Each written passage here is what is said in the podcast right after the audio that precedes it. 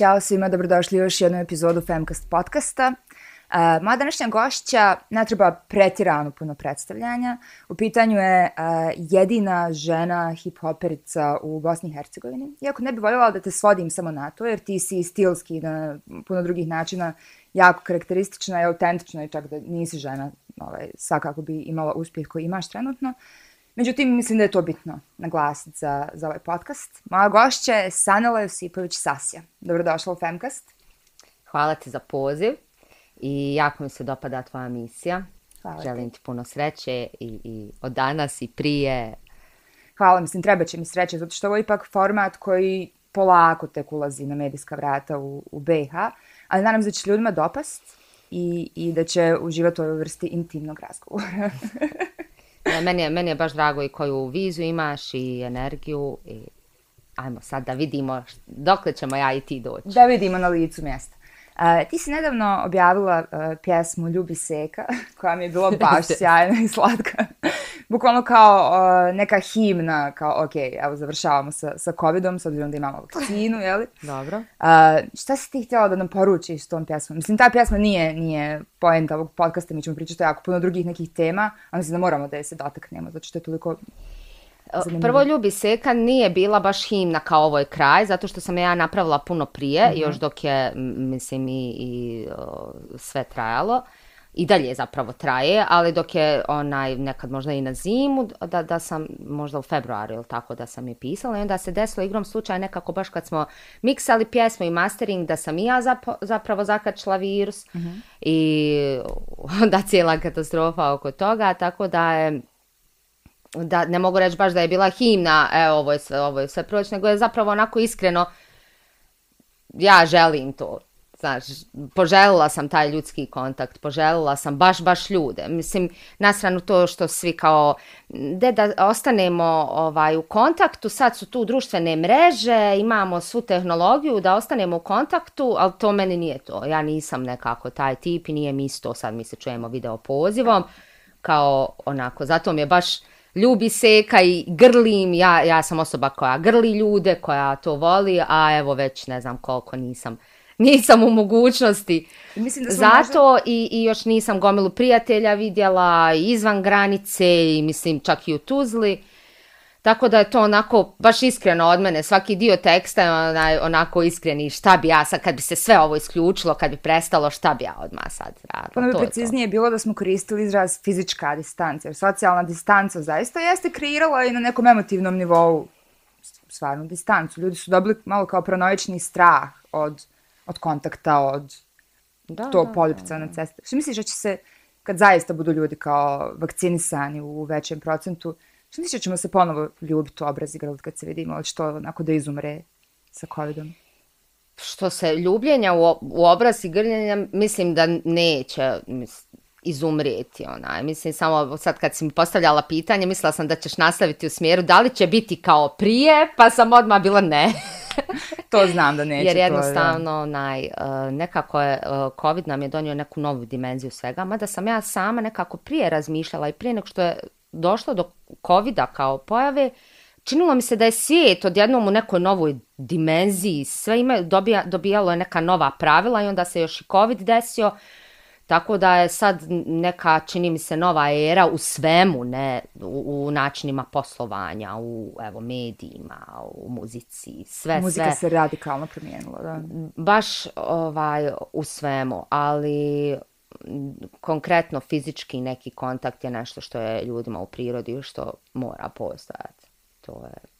E, mislim da se muzika radikalno promijenila, da, i prije covid definitivno, ali sad, pogotovo sa COVID-om, kad nema koncerata, ali opet ljudi izbacuju stvari, kao kako to funkcioniše kod tebe. Mislim, ti si uh, već neko vrijeme, znači ti kad si započela svoju karijeru, ti si njoj najozbiljnije pristupila i snimala albume i išla na turneje, na festivale i tako dalje. Znači Međutim, onda u nekom trenutku, kao da si sama shvatila da možda ne može da se živi od muzike u, u BiH. Ne znam, nežda ti ubacujem riječi usta, ali um, na koj, u kojem trenutku si ti odlučila da... U trenutku kad sam se malo umorila, a u isto vrijeme sam htjela porodicu. Od muzike se može živjeti. Znači, mm to je sad... Može. Kako? Da. Tako što radiš. tako što radiš i tražiš novac za svoj rad. Mm-hmm. Mislim, vrlo jednostavno, to su sad sve detalji koji nisu ni tema, ni ovog razgovora, ni, ni, ni šta, ali od muzike se može živjeti, samo što je um, muzika u, u bar u Bosni i Hercegovini nema nikakvu podršku posebno sistema pa to, to. i onda Uh, I onda je puno teže kad, kad si posvećen samo muzici i evo, umjetnosti, kon, o, bilo kojoj, to je kao da imaš svoju firmu, ali u isto vrijeme nemaš nikakvu podršku države. Ni, ni od plaćanja, pomoći, ništa. I onda, a u nekom trenutku ja sam htjela porodicu, htjela sam dijete, htjela sam više i vremena u ostalom, Tako da sam onda usporila jer i uh, rad na muzici zahtjeva jako puno putovanja, jako, jako puno. Ne samo koncerti, ono što se vidi izvana, nego je to sedmično ili svakodnevno ili provođenje dosta vremena van Tuzle. Tako da sam onda svjesno usporila baš u nekom trenutku jer, jer, jer mi je bilo preteško, ajmo reći tako. To je ono na što sam ciljala u biti, ne da se ne može živjeti an general, nego da ukoliko želiš da zaista izgradiš ozbiljnu karijeru, ti nemaš infrastrukturu u Bosni i Hercegovini, ne samo državnu, nego nemaš industriju, prosto nemaš uh, menadžere, nemaš m, studije, nemaš vizualni čitav koncept, mislim, segment koji ide uz muziku. I u tom smislu ti si snimala u Zagrebu, jako puno ljudi ide u Beograd, da, u da. labele. Znači mi u biti nemamo, ispravimo ako griješim, u Bosni i Hercegovini hip-hop label pored FM Jam. Ili imam?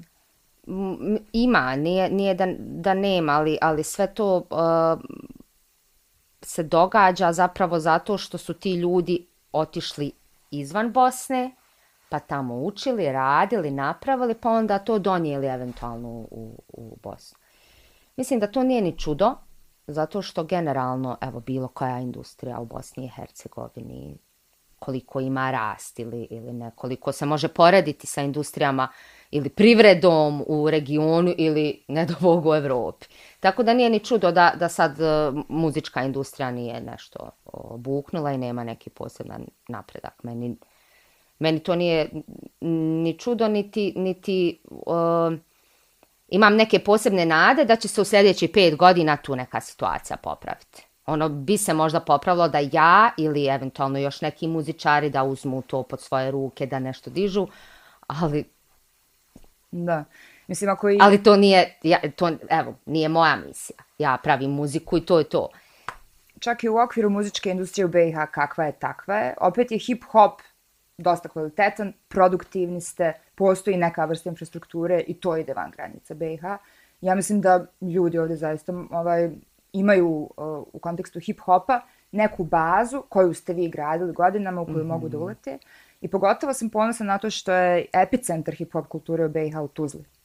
I da, yes, fun fact, da. FM Jam je nastao na Kameleon radiju preko emisije koja se zvala FM Jam. Yes, Prije yes. kad je to bilo već 20 i nešto godina? Da, da, tako da, nešto. da, da, da. Tako da je, mislim, temelji su tu i, i radi se, nema govora. To je, mi, mi imamo cijelu jednu našu, recimo, industriju, strukturu, način na koji radimo, ali on potpuno neovisan od od evo, državi ili bilo, bilo čega sličnog. Ja sam imala dosta jel, i sreće i iskustva da, u razgovorima sa kolegama u Hrvatskoj, u Sloveniji, dijelom i u Srbiji, nekako sam više eto, bila onaj, gore Hrvatska i Slovenija. I uh, imaju različita udruženja koja pomažu umjetnicima. Uh, sve to na, na neki način ima i koncept i, i uh, a kod nas ne postoji. Ne postoji uopšte na, na Tuzlanskom kantonu, bar zadnji put kad sam ja provjeravala, ima sad već godina, onaj nekako na prvom albumu, zvanje muzičara, pa da se sad ja kao prijavim tu, pa da imam to zvanje, da mogu da napišem šta sam po zanimanju, umjetnik. Znaš, ta, tako neke, neki dok to postoji jako, jako dobro u svijetu. Ja sam mnogim producentima, recimo, pomogla da na osnovu mojih pjesama dobiju to zvanje negdje vani, jer je to nešto, ne znam, uh, prijaviš svoje, svoje radove i koliko si ti doprinio kulturi svoje države u proteklih godinu dana, onda ti država za to isplaćuje, ne znam, zdravstveno, uh, ovaj, uh, penziono i tako dalje, sad zavisi kako, kako koja funkcioniše mi očito nismo doprinijeli onaj ničem. Ali mislim, mene to posebno više i ne frustrira, možda nekad jeste, tako je kako jeste. Ja, moja misija nije ni će ikada biti da ja budem ta koja će pokretati udruženja ili neke... Sindikate. Sindikate, ja radim muziku i farmaciju i nemam dodira sa, sa, sa... Kako se ti deklariraš? Hip-hoperica, reperica, MC, muzičarka? Muzičarka, ja, ja nekako više volim I koliko muzičarke. ti je bitan taj rodno senzitivni um, moment, oblik riječi? Nije, nije, ne, onaj... E, ja lično se ne osjećam uvrijeđeno kad mi neko kaže da sam muzičar, mada je nekako muzičarka je lijepa riječ, jer dosta riječi imamo koje uh, u govoru ne, ne, odjednom ne zvuče tako ovaj dobro um, kao evo muzičarka, ali... Trenerka. trenerka, tako, pomozi mi.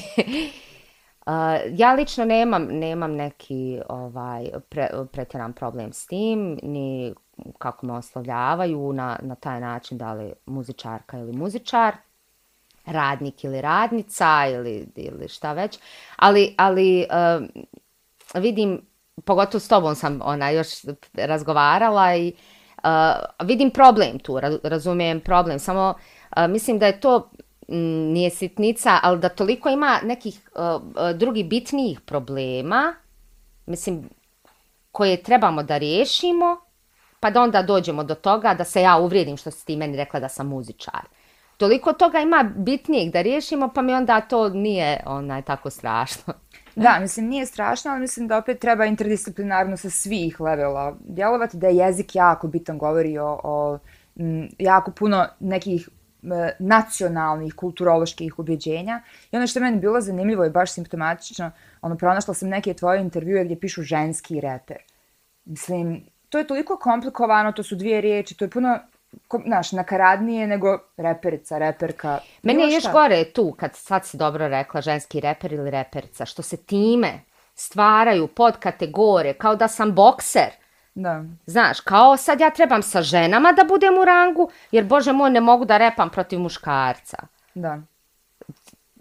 Jeste kao to... ženski rep i muški rep, kao da smo bokseri, ne da, znam. Da, kao neke dvije kategorije. Kao neke dvije kategorije koje apsolutno nemaju nikakvog, evo ne znam, nijedan razlog zašto ćemo mi to dijeliti ženski rep i muški rep i uopšte pričati o ženskom repu, zato kad me neko pita kako je biti žena u repu, ja, ja ono sto znojeva me oblije, jer mi je više kako je, kako je biti muškarac u repu. No, mislim, čuj kako je biti žena u repu. Ne, ne, ja ne znam kako je biti muškarac u repu. Ne znam zašto me pitaš sad kako je biti žena u repu. Znaš? Ja razumijem da je to iz tvoje perspektive Tako. tebi potpuno jasno. Ali uh, definitivno kad pogledaš u tu kategoriju ženskog repa, ne samo BiH, gdje si jedina bila do nedavno kad se pojavila Muha, Mislim, sigurno sam da postoji ono bedroom reperki koje nisu ništa objavile, ali evo, ove da, neke da, koje da. javno znamo u medijima. A na nivou regije, što imamo možda šest, sedam ono, da. reperica, ne znam, Sajsi, Mimi, Remi, da, ti da, da. bičarke koje više ne postoji i tako dalje. I sad ja ne mogu da se ne zapitam i da tebe ne pitam um, na koji način hip-hop scena eventualno potencijalno stvara društvena uvjerenja da to nije za žene. Čim postoje te kategorizacije i čim je toliko malo žena u repu. Da, jesi ti kad pričala sa svojim kolegicama i kolegama o tome kao, ej, kako da, da motivišemo djevojčice i djevojke? Hmm. Pa, treba, mislim da je isto problem baš taj od starta kao ženski rep i zašto, znaš, recimo, vidjela sam nekad komentare, ne slušam ženski rep, ali ona mi je super. Da. Na, ja, na, ne, ne znam. Ok. Like. Znaš, ovaj, um, što se tiče toga kao kako motivisati ostale, to je nije nik, nigdje definisano, niti, niti je iko ikad rekao rep nije za žene, znaš, ali e, dosta teško kad ti dođeš, evo, onako u društvo, Jer rep generalno počinje od izlazaka, društva, onako izađemo napolje u srednjoj školi, a tu su reperi, ovdje su rajteri, pa mi nešto pišemo, pa mi nešto i ti dođeš, 15 muškaraca, dječaka, momaka je tu i ja.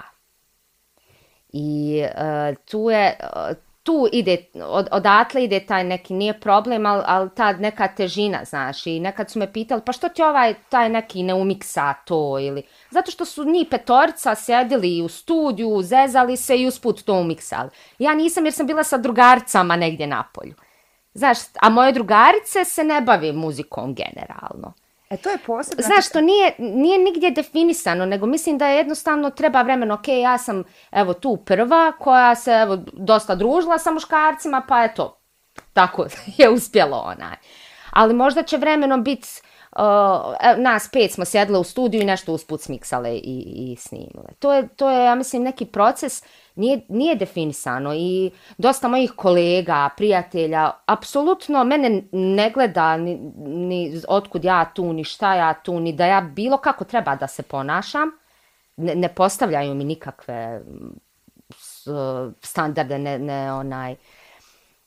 Ali vrijeme, eto ja to samo tako vidim. I to jesu neke samo nametnute restrikcije. Mislim da ono kako mi kao društvo percipiramo uh, hip-hop ili žene u hip-hopu, da malo konkretiziram, je ili uh, onako seksualne, um, Cardi B, Nicki Minaj, taj moment ono hiperfeminizacije, kroz razne oblike, ali razumiješ što ću da kažem. I ali pazi, strane... izvin što te prekidam, ali Nicki mm -hmm. Minaj imala neko Lauren Hill prije x godina. Tako je, da. A Lauren Hill je bila, uh, koliko je njih bila u tom trenutku? Znaš, vrijeme, a mi se, mi se konstantno kao, evo, i žanri, muzika, gledamo to na Amerika ovako, engleska ovako. Mi smo, ono, ne znam koliko godina iza, minimalno 50. da, retradicionalizirali I sad, i sad uh, govoriti o, o mom repu sa Cardi B, o čemu mi tu pričamo. Uh, mislim da nisu uporedivi tvoj od Cardi B, ali pa, mislim eto, da bilo... postoje te neke dvije recimo, ono, baš šturo da ih uh, razdvojim, kategorije ženske reperi, žene reperice, a to je ta, kao, uh, idem na svoju seksualnost, ja je koristim, ja preuzimam kontrolu nad tim narativom, nisam, ono, e, uh, bitch iz reperskog spota, i s druge strane, imaš reperice koje idu više na taj malo kao muževni um, fazon, što opet i društvo na neki način može da nalaže svojim subliminalnim porkama. I onda mislim da je izbor za ono regularne Dobro. neke djevojčice koje nisu binarne poprilično uh, zeznut u toj situaciji. Ukoliko gledaš to na taj binarni način. Bravo, ukoliko gledaš na taj binarni način. Da. Ja apsolutno ne vidim razlog zašto ne bi neko imao jedno i drugo. Ja imam jedno i drugo, u čemu je problem? Upravo, da. Znaš, meni, meni dođu, pa otko ti haljina? Pa mislim, nosim haljine isto ko što nosim i trener. Isto realno ko što i ti nosiš. Samo što sam ja pokazala i u spotu da mi nije problem, ono, ne našminkana, samo izaći iz pretkuće i snimiti spot. A isto tako sam i uradila spotove gdje, gdje je bilo full cijela produkcija i, i o, to ženstvenost i šta ti znam. Znaš, m, šira je slik, ne moraš ništa. Ne moraš ništa. Niti trebaš dijeliti ovako ili onako trebaš. Čemu je stvar? Ne, ne moraš ništa. To, to je to. E, znam šta govoriš, govoriš o, o imidžu sad da neka stvara ovakav imidž, neka onakav, ali mislim da je to samo, da je naš više, da je prošlo puno više vremena, da smo u budućnosti, to, to bi se skroz sve razvodnilo, ne, ne bi ti to primijetila uopšte. Da. Ne bi ti to gledala tako, znaš. A sad kad možeš da gledaš nas pet i da uporediš šta Sajsi radi, šta Mimi radi, šta ja radim, onda ti, je, onda ti kažeš, aha, postoji ovakva reperica, postoji onakva. A da je nas protekli 20 godina bilo 150, rekla bi, ovo, šta ja, briga. Ja lično apsolutno pristupam svakoj umjetnici, umjetniku poprilično individualno, autentično. Svi smo mi miks hmm. i svi ste vi miks raznih utjecaja i žanrovskih, identitetskih i tako dalje. Međutim, postoji činjenica da društvo i dalje kultura jednostavno ima tu neku binarnost i super je da je razbijamo i ti svojim radom i sad ovim razgovorom. Ali ono što je meni možda još i, i e, zabrinjavajućije u muzičkoj industriji u, u BiH i u regiji, ajde recimo, eto, postoji nekoliko ovaj, e, reperica, postoji naravno žene u muzici, nije to neki endemski slučaj. Međutim, u backgroundu industrije, dakle, autorice, producentkinje, um, ono, žene koje da, rade u, u tehničkim nekim um, segmentima, ili ne znam, kamermanke koje će ti raditi spotove i tako dalje, njih poprilično manjka. Mislim, koliko god ti, naravno, jako puno žena svojim, svojom misijom životnom i, i karijerama dokazuju da žena može da se bavi mm -hmm. apsolutno svačim, da ima mm -hmm. za mhm. sve potpuno kapacitet, čak i za fizički naporne poslove, da je to ovaj, e, prevaziđeno. Opet, jako malo se žena odlučuje da radi, pravi su, radi pravi te stvari. Nekako kao da, ono, se, smo se podijelili, žene su plesačice i, i make-up artistkinje i ne kažem da nije isto tako teško biti muškarac make-up artist u ovom binarnom sistemu. Da, da, da, me ne, ne slažem, pogrešno, to ali... slažemo se, slažemo se. A, a zašto nema više žena? Uh, uh, mislim da, da u odnosu na prije 15 godina ih ima više. I to je isto taj moment vremena o kojem govorim i ja mislim da će ih u budućnosti biti više. I kamermanki, ja, ja se oduševljam kad vidim bu, bubnjarku. da, dati da ženu bubnjara, to mi je prejako. To mi je prejako. Evo i tu, znaš, nema puno, ali u odnosu na prije 15 godina imaš više žena koje sviraju bubanj nego prije. Znaš, žene uglavnom pjevaju i trebaju da budu lijepe u spotovima. Ali ova što se znoji za bubnjem, kako to... Tako da um, promjena mora doći od toga da, da žene, kao i u ostalom muškarci, žele to da rade, a mi ostale, ja evo s pravom ću reći mi i ti, koja evo sad imaš isto svoju misiju, koja si mnogo toga već i radila i tako dalje, i ostvarila, ja, na nama je samo da im budemo dobre drugarce. Znaš, mi žene imamo veći problem nego muškarci tu. Jer, jer e, stavljamo baš ove sve stvari koje, o kojima mi pričamo i o kojima se kao mi borimo, protiv kojih se borimo, mi to opet stavimo u prvi plan, mm -hmm. a ne stavimo posao. Mm -hmm. Muškarci razmišljaju o poslu. Posao. To je sve posao. Mislim, um, posao je okupiti, evo, i cijeli ženski bend i kamermanke i sve bi bilo da, da je cijeli ženski tim. Znam se. Znam se koliko bi to u poslovnom, marketinškom, sponzorskom, sve. Pa, ali al da ja sad to tebi kažem, nije tebi, evo, lično kao, kao tvoj, nego, joj, de baš šta ona, ona, ono, visila onom spotu, šta ona. Znaš, mi trebamo jedna prema drugoj biti bolje drugarice prvo. Apsolutno, mislim Stvarno? da to jeste baza. I verujem mi da sam razmišljala, um, mislim, u, u ženskom hip-hopu, u regiji konkretno, mislim baš na, na ženski, je poprilično puno osnažujućih tekstova i ti sama imaš fantastične feminističke pjesme, aktivističke, um, iz raznih uglova o kojima ćemo pričati isto naknadno, ali postoje i neke pjesme koje su onako vuče malo u smislu uh, blago problematične, gdje uh, žene uh, u svojim tekstovima kritikuju druge žene, tipa od Sajsi, Mama ili od Elementala, ona nešto trebate tuć, kako se zove ta mm -hmm. pjesma, ne znam. Ne vrijediš toliko duše, jel? Tako, nešto Aha, da, da, okay. I, znaš, mislim, poprilično problematični tekstovi. kako, kako to prokomentirati? Da li je, da li je to neka vrsta ono populizma i, i znaš, pokušaj da, da se približiš publici, da ne bude preradikalno ili zaista jesmo u ovih zadnjih pet godina kad su izašli te pesme, prije možda tako pet, šest godina, naučili nešto novo, shvatili da je to pogrešno? Da sad živimo u nekom savršenom svijetu, da ti ne moraš da imaš femcast, to bi bilo u redu. Znaš, ono, um, ali u isto vrijeme pokušavati osnažiti sebe i uh, recimo žensku kulturu, žene oko sebe i um, i onda praviti od tekstova do izjava protiv drugih žena. Ne. Um, ja, evo i prema i kolegicama u muzici i e, što kažeš ti sad e, i, iza stage-a, stvarno sam pokušala biti drugarca. I e, pogotovo sad nekako godinama kako sam starija vidim tu, da je tu snaga. Da je tu snaga. Ako se ja i ti razlikujemo kao osobe o nekim nakostavovima, ok, hajmo, borimo se, borimo se skupa, stani.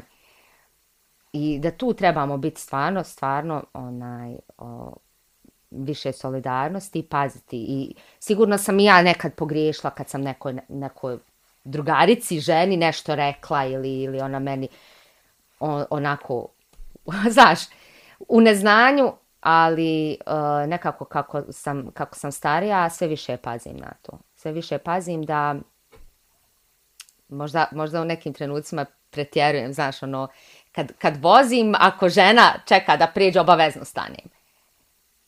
Da, ženska solidarnost je jedna obavezno od stanem. A o trudnicama, neki dan sam se svađala zbog neke trudnice što je stojala u redu. Da se ona nije apsolutno svađala.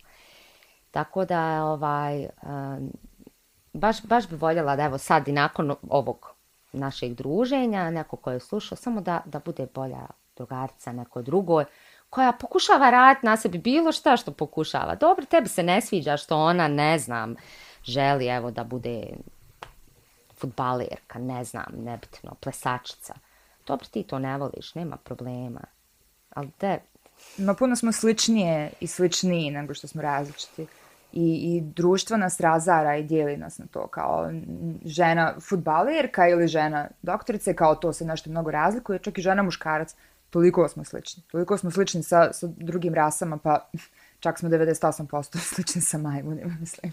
Da, moramo... da mi je, znaš, da, čitala sam neki članak, je bio ovaj, baš isto uh, zašto su mm, žene koje su uglavnom sređene, našminkane, koje dosta pažnje posvećuju vizuelnom svom izgledu, o, one su kao po nekom stereotipu glupe i one ne čitaju, kao ne može ona biti pametna ako je sva ušminkana, a ove koje kao nisu našminkane, to su one pametne koje čitaju, koje znaju. I žena ženi to radi. Znaš, žena ženi to radi. Ne znam, to je, tako da to, to me onako, to meni najviše smeta, onaj. Ja sam ono, hiperempatična i, i na momente malo sebe i nerviram, zato što stvarno se trudim da razumijem sve, čak i ljude koji rade ono, pogrešne stvari i, i čak i na momente nasilne, stvarno se trudim da razumijem. Mislim da je to jako bitno, kao što je bitno s ovim podcastom da, da razumijemo, da mapiramo. Ne da ja sad kažem ja ovo je dobro ili loše, nego samo da uperim prstom i vjerujem mi da sam razmišljala upravo odgovor na to pitanje zašto to radimo. Meni se čini da s obzirom da smo toliko ubijeđene kao žene, da za nas ima jako malo prostora na nekoj društvenoj sceni, kao na primjer ima samo ono 40% maksimalno kvote u političkom životu kao nas pet može biti hipoperica u regionu i da onda postoji taj moment kompetitivnosti jer kao toliko malo ovaj mjesta je za nas rezervisano, što su tako nije tačno. Mislim, rezervisano je onoliko mjesta koliko mi sebi... Ja mislim da je to nešto onako fiziološki, životinski. mislim da je, toga, to, da je to nešto. Mislim, stvarno se trudim da razumijem i evo, pozivam se ljude koji ovo slušaju godine da napišu u komentarima stvarno, ono, ako su ikad u sebi prepoznali to da imaju prema nekoj ženi um, moment animoziteta, šta misle, zašto je to neko ono self-therapy. Ali evo da se vratimo na ove tvoje tekstove koji su ono baš aktivistički i zanimljivi. Um, ti imaš nekoliko pjesama koje se bave um, to baš osnaživanjem žena kroz, ne znam, etikete ili uh, kroz stube i tako dalje koja se bavila um, nasiljem nad ženama. Pa onda tim upravo stereotipima, prozivanjima raznoraznim i stavljanjem ženskih identiteta u, u ladice da bi se bolje jel, kontrolirao taj identitet kao takav.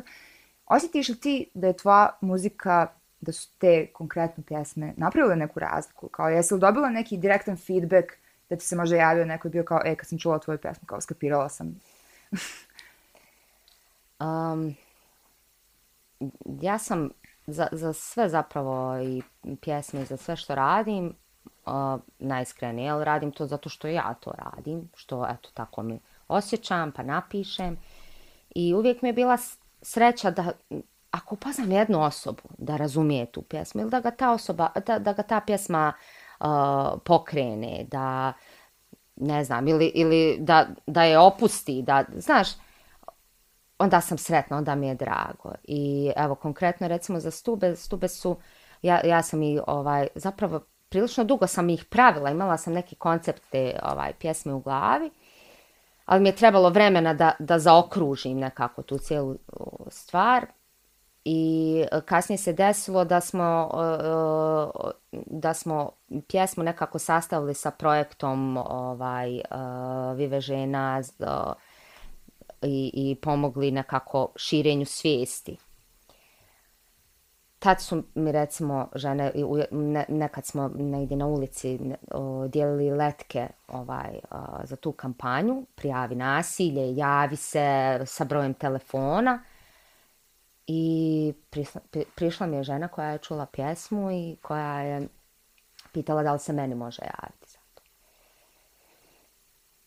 I to je to.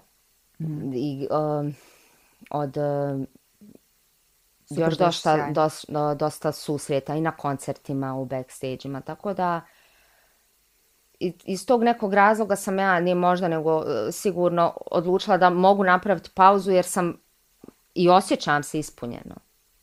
Znaš, ja, ja ne moram da mijenjam svijet i ne osjećam da, e, da sam ja ta koja će promijeniti cijeli svijet. Ali super. Pomogla sam dvije žene. Pitam to zato to što... To je to, znaš, to, to je neki... Mm, Ma ne, mogu misija, je tu ali to je, to je, to su na, strašno osjećanje. Strašno osjećanje. I odgovornost. To je, to je um, jako je teško biti odgovoran za neče osjećanje, znaš. I osjećati se odgovoran. Ono, a, a, a upravo kad tako neko priđe to, to je šta osjećaš, nema šta drugo. Mislim, činjenica je da ti kao muzičarka koja stvarno ima ono, svoju fan bazu i popularnost, imaš vidljivost prosto na nivou čitave regije, imaš puno veću moć, kapacitet da širiš neke poruke aktivističke nego što udruge, znaš, na koje je puno ljudi već ono, gluvo ili um, koje kakve kampanje na koje su ljudi obuklali.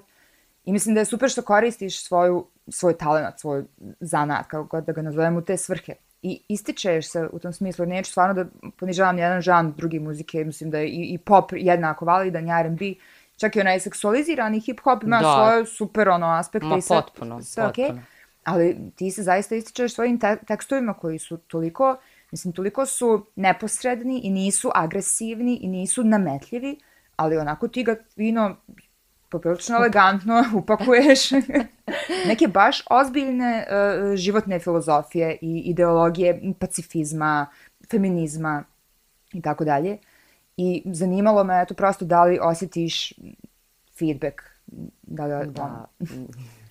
da jako. Sad, uh, kažem ti, to je, to je nešto što da, Mislim, što mi je trebalo mi je baš i dugo i vremena i da se naviknem i da prihvatim to, znaš, kad, kad, kad ti ne, nepoznata, meni nepoznata osoba kaže svoja osjećanja ili još i plaće uz to i ima neke izlive emocija, a zato što ta osoba osjeća da mene poznaje.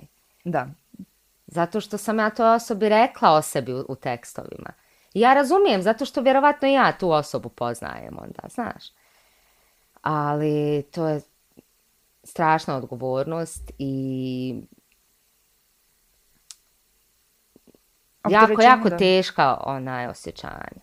I eto, vjerovatno nešto ni, na, na što nikad se neću moći potpuno oguglati ili kao biti ravnodušna. U mi ne želim onaj, da, da tu budem i, ni ravnodušna, ni svjesna sam da ne mogu promijeniti svijet, ne mogu, niti ja želim zapravo ni pojedince da mijenjam, da, ali eto ako, ako nekog inspirišem, ako nekom pomognem da kad je tužan nešto predbrodi, to je, to je super, to je još plus. Jer je meni ta pjesma recimo pomogla da nešto prijeđem preko nečega.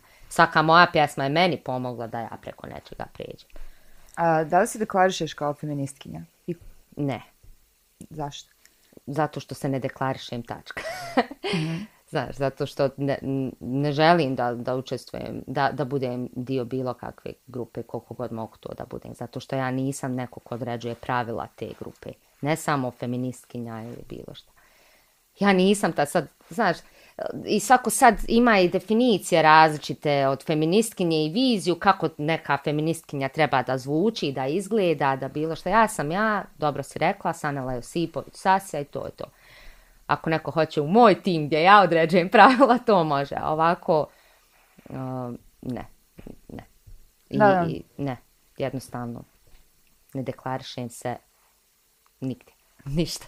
Mislim, to zaista mislim da većina ljudi nisu uopšte, ne, ne postoji način da ti sad ljude strpaš u neke stereotipe koji su kao od A do Ž konkretno onakvi kakav stereotip nalaže, ali ti pogotovo, mislim, toliko si, ono, imaš toliko puno etiketa da više nemaš ni jednu, kao, ono, razni, raznih ideologija koje izbijaju iz, iz muzike i, mislim, iz, iz tvog ovaj... Ali to je, eto vidiš, ti si, dovoljno vremena utrošila na analizu mog rada, da ti je to jasno. Da. Znaš, neko ko je vidio ili čuo, vidio moj jedan spot i čuo jednu pjesmu, on će nešto i, i reći, znaš. A ko je tu, prilično je jasno. I vremenom moj rad, uh, vremenom raste ja radila ili ne radila kako vrijeme prolazi, kako ljudi vide sveukupnu sliku. Mm, evolucija kod muzičara meni je uvijek interesantna, zato što nikad ne možeš da uradiš ispravnu stvar za svoje fanove. Ako evoluiraš i radikalno se mijenjaš ili se mijenjaš, prodao si se i tako dalje, onda idu ono hate komentari kao evo je prodala se. A ukoliko ostaješ isti, onda u biti zaista ne, ne razvijaš se i to postane dosadno. Da. Nakon nekog vremena, ja uvijek kažem, ja ono da sam muzičarka stvarno, to je sekirancija kako... Šta bi ti da si muzičarka? Ne znam, znaš, kao ja bi evoluirala, konstantno bi evoluirala, ali bi morala isto tako da radim na svojoj mentalnoj snazi, da prosto da, da, da ne uzimaš u obzir sve te hejtere i ljude koji... Da, da, da, da. Koji, koji te kao osobu koja se izložila javnosti, sada tretiraju kao osobu koja, koju mogu Svi da kažu sve Svi imaju viziju tebe, razumiješ? I mislim i tebe, evo, koja nisi muzičar, ja Pa da, let, ja sam mislila da će Andrea za ovaj Femcast, da će... Ti si mislila, super. Da. Ekstra, napravi ga ti. Znaš, svi imaju viziju i to se isto dešava kad si a, tako jedina žena u kamaru muškaraca. Neki od njih, ne, oni uopšte ne, ne shvataju da to rade, ali kao oni imaju viziju kako ja trebam zvučati. Zato što da im je da još ima toga. Znaš, oni bi volili da ima još 15-20 žena sad u istom trenutku, da svaka drugačije zvuči da ova ovako, zvuči ova ovako. Mislim, ali nema, sorry, evo ja sam i ne mogu zvučati onako kako si ti zamislio ili zamislila. Ja zvučim ovako, pa bože moj, doće neka, eto, muha koja će zvučati ovako. I to je super i treba tako da bude, znaš. To sam već čula od, od nekoliko uh, muzičarki da imaju više problema sa nametanjem mišljenja u smislu vokala i kako treba da zvuči, nego kako treba da izgleda. Što je nešto što sam ja drugačije posmatrala. Mislila sam da kao Jel, mislim imaš da jednu i drugu, imaš jednu i drugu ovaj, uh, ali mislim da je, da smo dovoljno napredovali, da se dovoljno i priča i napredovalo o tome da žena više ne mora izgledati samo ovako ili onako. Uh, Ali, eto, taj isto moment kakve pjesme treba pjevati, kako zvučat, koji, u kojem smjeru da ide, znaš. A to opet, recimo, rade producenti koji iz dobre namjere, nije, nije to ništa loše, ali on je baš, ono, baš je htio da ima neku ženu koja će mu to odraditi tako. Znaš, on je to htio, nisam ja ta. Ili jesam, mislim, nekad jesam, zavisi onaj koji. Tako da, to je, to je, sa muškarcima se to manje dešava iz prostog razloga što ih je više, znaš. Ali, eto, mislim, može, može se desiti. E, mislio sam da će Edo napraviti sljedeći album takav ili onakav, ali, znaš, zato sad ima dosta više muškaraca koji ti naprave baš takav album kakav si ti htio da čuješ. A bit će nekad i, i žena koja će napraviti album kakav ti hoćeš da čuješ od tog ženskog repa ili... Da, ja isto mislim da, da će da se desi kad tad. Zato što opet, kako si ti rekla, mi 50 godina kasnijemo, ali evo sad je u svijetu poprilično ženski rap. Ono, ja mislim, mi neki, neku noć smo gledali prijatelje koji su snimljeni prije milijardu godina i, i ne znam, kaže nešto, idemo gledati ovaj novi IMAX film. Oni su tad kao znali za, za, za to, kao mi neki dan čuli prijatelje. Kao kako mi sad pričamo o indu, industriji, znaš. I prije x godina smo tako to isto gledali, prijatelji nismo uopšte razumeli kakav oni film idu gledati. Da, da. Ja nisam mogla da vjerujem sad kad je izašao ovaj reboot prijatelja da je prošlo toliko vremena. Da, da su oni sad ono ljudi od 50 godina, mislim. Da, da su baš stari. Da, da su to. Nisam da gledala, nisam gledala. Na koleđu već. Da nisam nija gledala, ali imala sam moment kao, aha, okej, okay, tek sad kapiram da je prošlo toliko vremena od 90-ih. Um, dobro, i ti si ovaj, odlučila u nekom trenutku da pauziraš sa karijerom i da se okreneš porodici i majčinstvu i sad nekako barataš sa oboje, gdje i dalje radiš mm -hmm. i, i mm-hmm. prilično si aktivna, mislim, s obzirom da s obzirom da izbacuješ godišnje po minimalno na dvije, dvije, tri pjesme. E, kako to sad funkcionira? Mislim, kako si ti kao hip-hoperica, žena koja ono, ne, nije kao prijavljena, jel, kao muzičarka u sistemu, m, kakve si imala situacije sa sistemom kad si ušla u proces čekanja djeteta? Si imala neki, neku vrstu ono, podrške od sistema? Kako ne, to ja, ja nisam ni tražila onaj, nikakve tu podrške, niti se bavila onda više o, traženjem podrške sa te strane. A, ja sam po struci magistra farmacije i u trenutku nekom kad sam razmišljala da je to možda sljedeće godine ili eto, uskoro bi htjela imati dijete i napraviti tu pauzu, onda sam se okrenula farmaciji i počela raditi I nije mi samo bila muzika posao, nego, nego i farmacija. I to je to. Ne, znaš, to je sad kad, kad bi nekom onako u ne, Evropi ili Americi pričao, pa kao tužno, a zašto se nisi borila, gurala? Zato što ja nemam vremena da se ja borim i guram sa sistemom. Ja hoću da rodim dijete sljedeće godine, a ne kroz 30 godina. Tako da je sasvim okej, okay. eto, bože moj, sad, sad nekako jedno i drugo, ali znaš, nekako sam se malo i umorila, ja, ja nisam, bar jedno pet godina, sam bila jako malo i utuzli i uglavnom sam putova, super mi je bilo, ali baš nekako sam kao završila ne, neki, neki krug koji sam, nešto što, što sam htjela da uradim i ta neka ispunjenost o kojoj smo malo prije pričali i neka misija, to je to. I onda sam htjela djete, to je, htjela porodicu, htjela provoditi vrijeme sa porodicom. Znaš, biti na igralištu cijeli dan u šumi i uopšte ne učestvovati na ovaj, bilo kakvim projektima. Tako da, a eto, nekako se, Ehm, pa nekako više u posljednje vrijeme da, da se i meni probudila. Ja sam nastavila zapravo pisati pjesme i praviti ih, ali nisam stavljala sebi ni neke deadline, niti planove. Ja imam gomilu pjesama koje su nekako napola napravljene, ali obzirom da sad imam puno, puno manje vremena nego što sam imala prije 5, 6, 7 godina za, za bilo šta, za, mislim bilo kakav posao i, i, eto, i za muziku, pustila sam da to ide prirodno, znaš, da onako, kad, kad neka pjesma bude, kad joj bude vrijeme, ona će se desiti. Jer ja, da ti kažem, nekako za sve tako imam takav pogled. Stvari koje trebaju da ti se dese, one će se desiti. Mm -hmm. Mislim, neće ako ti baš ništa ne radiš potom, ali ja, ja radim muziku, ja radim pjesme. I prije nego što sam izbacila svoj prvi album, prije nego što je iko čuo nešto posebno za, za mene, ja sam to radila. I onda se desilo, bum.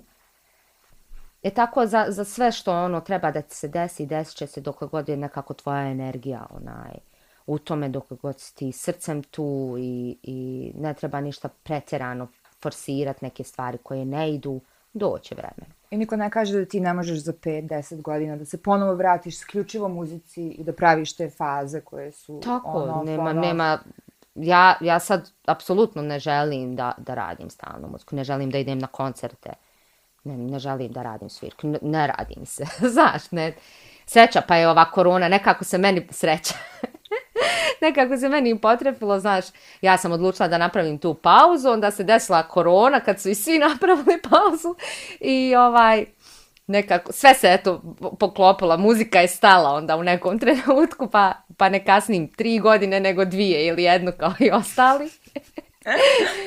Ali, ovaj... Uh, A jesi našla... Što, što da ne, možda, možda nekad se ovaj, sve klikne i idem. Znaš, i, i kad sam, uh, ja sam, kad sam tek završila fakultet, ja sam Eh, u, u istoj sedmici uh, diplomirala i potpisala ugovor. I to na način da kad mi je mentorica rekla kao može diplomski, ne znam, utorak, ja sam rekla, te molim vas u petak, kako ste prvi put rekli, ja trebam ići da potpišem ugovor muzički. I naravno, ona se odvalila sam, rekla, može, dobro, rekla sam u petak, pa eto. I kad sam radila i pripravnički, vidjela sam da, da ne ide to, da, da ne mogu sve stići. Onda sam samo presjekla i odlučila da, da neću raditi u farmaciji neko vrijeme. Isto mm. kao što sam onda odlučila da, da ću da usporim sa muzikom i da ću raditi farmaciju. Super, napravila sam sebi da mogu jedno i drugo ili samo jedno kad se odlučim za jedno i to je to. Što je u biti pozitivna strana tog nepostojanja infrastrukture, jer sad nemaš nikakav label za sebe koji te na bilo koji način uslovljava, forsira, gura, traži da produciraš muziku. To isto sve zavisi nezavisna... kako, to sve isto zavisi kako ovaj label napraviš. Ja sam recimo imala ugovor sa Menartom, ali je to bio tako koncipiran ugovor da, da je na albumima i tako dalje. To nije nešto što kao ja sam doživotno potpisana ili vezana nekim ugovorom za, mm -hmm. za bilo šta što radim, znaš. To isto opet zavisi, zavisi kako ti želiš da potpišeš ugovor sa nekim. Da. Um, ti si, jel tako, i tekstu spisateljica. Tekst, ovo, ovo je jedan spisateljica. Od onih, ovo je jedan od onih slučajeva, da, kad zaista zvuči komplicirano, kad bismo mogli da izmislimo neku novu riječ za to. Uh, pa ima u Hrvatskoj spisateljica. ima spisateljica, ali teksto spisateljica. E, to je, ja. Mm. To je to je malo komplicirano. I uh, da li ti, ili tako jesi? Da, sve pjesme sve moje sam ja pisala. Napisala. I suradnje sa drugim, sve što sam ikad izgovorila sam ja pisala. I ti imaš, ili tako, autorska prava na tim? Da. I sad ti imaš i kao izvedbena autorska prava i ova autorska da. kao spisateljska prava. To mi je bilo baš izvođačka i autorska. Izvođačka i autorska, tako je, da. Tako je. I da li si ti u ovom amusu um, našem, kako to funkcioniše? Mislim, ovo je sad neko stručno pitanje koje mene, koje mene zanima. Da, da li ne isplaćuju te tantijeme i kakvi su ti algoritmi koji procjenjuju? Mislim da, da je nako bez veze sad da, da pričamo o amusu tu. Ja sam, uh, igrom slučaja, ja sam bila samo u Zampu, u, u Hrvatski amus, ukratko. Mm -hmm. Ovaj, onda sam se, uh, Amos je onda nekako u tom trenutku dobro radio i riješili su neke svoje probleme koje su imali prije, ne znam, prije 10 godina, 7, ne znam ti nija. I onda sam se i tu učlanila, sad sam i dalje, i dalje član, ali nisam ni aktivni član, niti, uh, niti je ono, vraćam se na onaj dio, ja, Amos očito ima svojih problema i tako dalje, mm, dobijala sam kao i mnogi autori kod nas eh, pozive da, da učestvujem u rješavanju tih problema. Ali to nije moja misija, znaš, ja nemam apsolutno ništa, ni protiv Amusa, ni protiv bilo ko. Mislim, super bi bilo da neko to izgradi i da i Bosna i Hercegovina ima dobar Pitam taj sistem. Ali trenutno nema... To je nešto najbliže infrastrukturi, mislim. Tako je, tako je, jest u pravu ali je to toliko daleko, recimo, od same Hrvatske, da se mene zaista baš ne da. A, a ja, sam, ja sam bosanski autor, ali ja mogu biti prijavljena i, ne znam, u neki holandski za zaštitu autorskih prava. Da. Znaš, može bilo ko od nas. I onda ti agencija za zaštitu prava čuva sva prava u cijelom svijetu i to je to. Možeš da se prijaviš gdje želiš. Tako da, ne, zašto da se ograničavam kad ne moram u nekom trenutku? Znaš, bilo bi super da, da imam kao bosansko-hercegovački autor neke povlastice, ili, ali nemam i to je to, nemam ih nigdje, šta sad? Da, ono što je isto tako simptomatično je da je do nedavno, uglavnom su muškarci pisali ženama tekstove. za, za, mislim, u svim žanrovima. Da, razumijem. I koliko zapravo sve te kao iskonske ženske pjesme sa kojima se ono, od, od kafane do kluba kao poistovjećujemo, ko, koja, je, koja je pozadina zapravo njihovog autorstva. Ovo sve naglašavam zato što mislim da je jako bitno svaku tu komponentu tvog stvaralaštva imati na umu, da nije da. isto kad ti neko piše tekstove i kad ti sam sebi pišeš, samo sebi pišeš tekstove i da je to neka vrsta autonomije koja je jednako sloboda. Mhm. Mm A, isto ono što je meni zanimljivo u, u muzičkoj industriji je taj vizualni segment koji u Tuzli je, ja mislim, dosta problematičan. Nemamo, prosto nemamo tu infrastrukturu, nema puno ljudi koji se time bave. Iako ih ima, to nije čitava ekipa. Koliko je tebi bitan taj vizualni moment i kako se snalaziš za spotove? I da li ih ti smišljaš? Da li si tu autorka? I... Da, za većinu zapravo svojih spotova jesam bila onaj, autor i, i učestvovala u produkciji, scenografiji, sve, sve moguće. E, nekako mislim da, da, bi, da bi trebala jel, da, da učestvujem, jer ja nekako kad napravim pjesmu, ja vidim i kako bi to trebalo izgledati i uživam u tome. Žao mi je što u Bosni nemamo dovoljno, ja bih rekla, ni nekih uh, produkcijskih kuća koje bi to konkretno radile. A, za većinu stvari sam zapravo izlazila iz Tuzle, neke i nisam, ono, tu sam ih radila. A, volila bi da se ne, ne obraća tolika pažnja na spotove, zato što su prije svega skupi. A, a nekako ne prate a, a, muzičku industriju u Bosni spotovi ne prate, znaš, ni, ni cjenovno, ni izgledom. Znaš, nego prate tu Ameriku, a onda odeš u klub gdje ti gazda kaže, ma evo ti malo popi i sviraj. Znaš, tako da, da to nije neka realna slika i generalno spotovi sad a, sa naših prostora, većina spotova koja se vrti na YouTube, apsolutno nema, bar po meni, ja ne vidim gdje su ti ljudi u, u realnosti, znaš gdje su ti bogati ljudi, gdje su ti sretni ljudi, gdje su ti ono...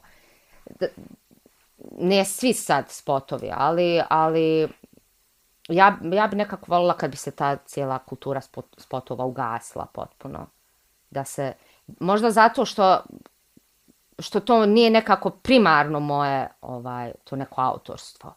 Znaš, mhm. nekako kad se tek uh, pokrenula uh, priča oko mog prvog albuma, neki cijeli hype, Sjećam se, menadžerica mi je rekla trebamo snimiti spot za ovo ili za ono. Ja sam bila ko, možemo li da ne snimamo spot? I vremenom sam onda naučila kako se snima spot, kako treba da se snima i zašto je bitno to.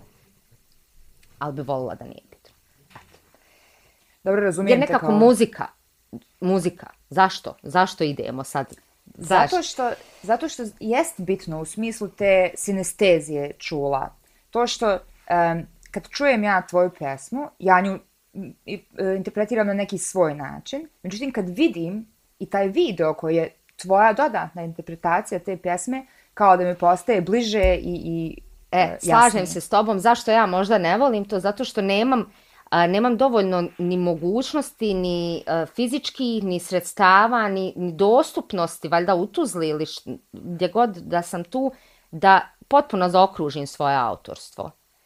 Znaš, ja, ja se ne mogu sjetiti da li sam jedan spot potpuno onako kako sam ja htjela da to izađe. Recimo, mene oduševljava Ramštajn. Što su neke te zaokruženosti njihove tiče. Oni imaju takvu muziku, takve spotove i to je to. Znaš, oni su Ramštajn koji tako izgleda, tako zvuči. To je cijeli krug. Ja bih volila da mogu nekoga naći, da je to cijeli krug i da je to sasja. Mm -hmm. Ali još uvijek nisam nekog tako našla možda ću nekada naći, pa ću reći, e, baš jedva čekam da mi to snimimo, da, da, ovaj. Mislim, pogotovo e, e, sa televizijskim tim formatima kao platformama za promociju muzike i sad isto na YouTube, mislim, spotovi mm -hmm. su, ja mhm. stvarno primijetiš koliko god da je dobra pjesma s albuma, ako nema vizualnu podršku, poprilično će biti onako zakopana negdje ja se nadam da će se u Tuzli to promijeniti, da nekako ponuda potražnja će ići jedno za drugim i kako i FM Jam raste muzički, da će tako se približavati čitavoj grupaciji ljudi koji su vizualni umjetnici, pa onda i producenti, da će to da, tako da. da, se, da se razvija. Da li ti imaš osjećaj sad u ovom trenutku da, da to ide ka gore ili ka dole? Ono, u smislu kao tuzlanske scene, hip-hop scene, koliko novih um, lica se priključuje FM Jamu, mlađih generacija, da li to raste ili, znači, čisto malo neki osvrt na status quo? Hmm, pa mislim da raste. Mislim da raste, znaš, tu ima neka, o, mislim da se stvorila opet nova generacija, neka mlađa ekipa koja ima um, svoje stilove, znaš, i neke svoje nove žanrove, podžanrove, tako da, znaš, uh, u neko, budućnost uh, neke kreativnosti, ja mislim da je jako svijetla i odlična i da, da ima jako, jako talentovanih ljudi od, od evo, pisaca, producenata budućih, uh, muzičara generalno. E sad samo sa te neke poslovne strane da, da to dvoje onaj, sastaviti, jer, jer baš, baš jedna je stvar samo pisati, praviti to negdje, a druga stvar sad onda to nekako sve pakovati u posao. To je jako teško prvo u glavi sve složiti, a je u isto vrijeme ostati dovoljno svoj i iskren sebi. A, a lijepo ne, kao neki paket iznijeti. Pa vjerujem da se ja divim svim ljudima koji su ono kreativci primarno, a koji opet vode svoje karijere, vode svoje društvene mreže, smišljaju svoje spotove, produciraju, mislim, apsolutno čitav, ono, čitav splet stvari koje moraš uradiš da bi ti imao na YouTube-u svoj da, spot. Da, Koliko da. je rada iza toga. Tako da, stvarno svaka čast i nadam se da će se u Bosni i Hercegovini malo promijeniti situacija, da će se malo iskomplikovati stvari u pozitivnom smislu, da će imati sve te slojeve, a da ćeš ti jedan dan možda biti mentorica uh, novim mladim hip-hopericama i hip-hoperima, zašto ne, mislim, da ih, da ih sve uključimo. Uh, hvala ti puno na ovom razgovoru. Hvala te. Ja bih sad voljela da mi odemo u svaku od ovih tema, ono, podrobnije još po pola sata, ali mislim da smo ok načele neke stvari i malo mapirale što se dešava na hip-hop sceni i, i u ženskom repu i generalno u muzici da. u Bosni i Hercegovini. Um, da li planiraš još nešto, mislim, uskoro ili si u fazonu tako intuitivno? Dobili smo ljubi seka i uživajte u tome sad. Pa ne, zapravo je ovaj, nekako se dosta toga ovaj, sad otvorilo. I uh, mislim da, da ovaj, ima nekog prostora za još novih pjesama. Da bi sad u toku ljeta možda dvije ili tri čak mogle biti. Uh, ali uh, dobro mi je bez eh, nekih prevelikih o, sebi zadataka, deadline-a, evo i za neke dogovore koje sam pravila kad sam došla do toga da nešto treba odgađat, da treba čekat, da treba, da odmah sam zaustavila, jer, eh, kažem ti, nemam, nemam dovoljno vremena uh, za muziku, zapravo, uh, ono vrijeme koje imam za muziku želim da iskoristim za kreativnost, za pravljenje pesama, a ne za, za ugovaranje cijelog tog, što ti kažem, paketa, jer ovo sad i, i kad si govorila od pisanja teksta, produkcije, uh, traženje ljudi za ovo, za ono, znaš, ja, ja imam svoju malu firmu, pod navodnicima firmu, koja je dio opet firme kao FM Džema, znaš, to, mm, ja to tako eto nazivam kao firma, nije, možda je čak i pregrupa riječ, ali Ali, imam odre, ali imaju ne, neka određena i pravila i način i na, na koje se neke stvari radi i koje trebaju vremena, znaš. A imaš I vremena menadžera? i ljudi i posvećenosti. Ne, sad ne. Znači, ja i ne radim već jako dugo, tako da onaj, nemam, nemam zvanično menadžera. A je li ima menadžerica na našoj sceni?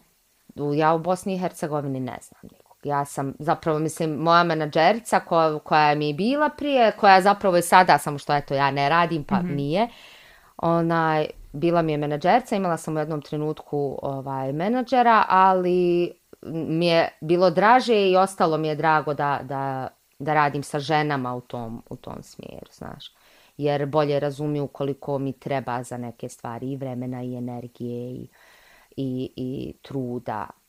Ne, ne da ne, muška, mislim, lakše je, lakše je, eto jednostavno lakše je. Ma to Zato je teško verbalizirati, ali da, drugačije kako bi, uh, meni bi bilo savršeno, volila bi probati da imam cijeli ženski tim za, eto, svašta nešto što radim, da su žene, znaš, da, da mi neka žena miksa vokal.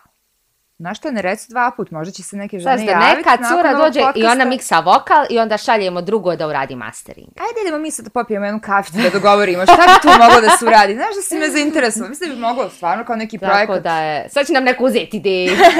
nek uzme. Da je Bog nam takvih ono, projekata na svakom koraku. Baš bi bila sretna. Super, da, sjajna ideja, mislim da može da se razvije. Ukradite slobodno, skinite nam fore, smislit ćemo nove. ja, da, da, da. Molim vas, uzmite ovu da možemo bolje napraviti. Sanela, hvala ti puno. I, hvala te. Um, nadam se da ste uživali u ovoj epizodi Femcast podcasta. Slušajte nas i gledajte nas na YouTube i svim drugim audio platformama i like, share, subscribe. Ovo vam nisam dugo rekla i zamolila vas, ali značilo bi nam. Prijatno. Ćao.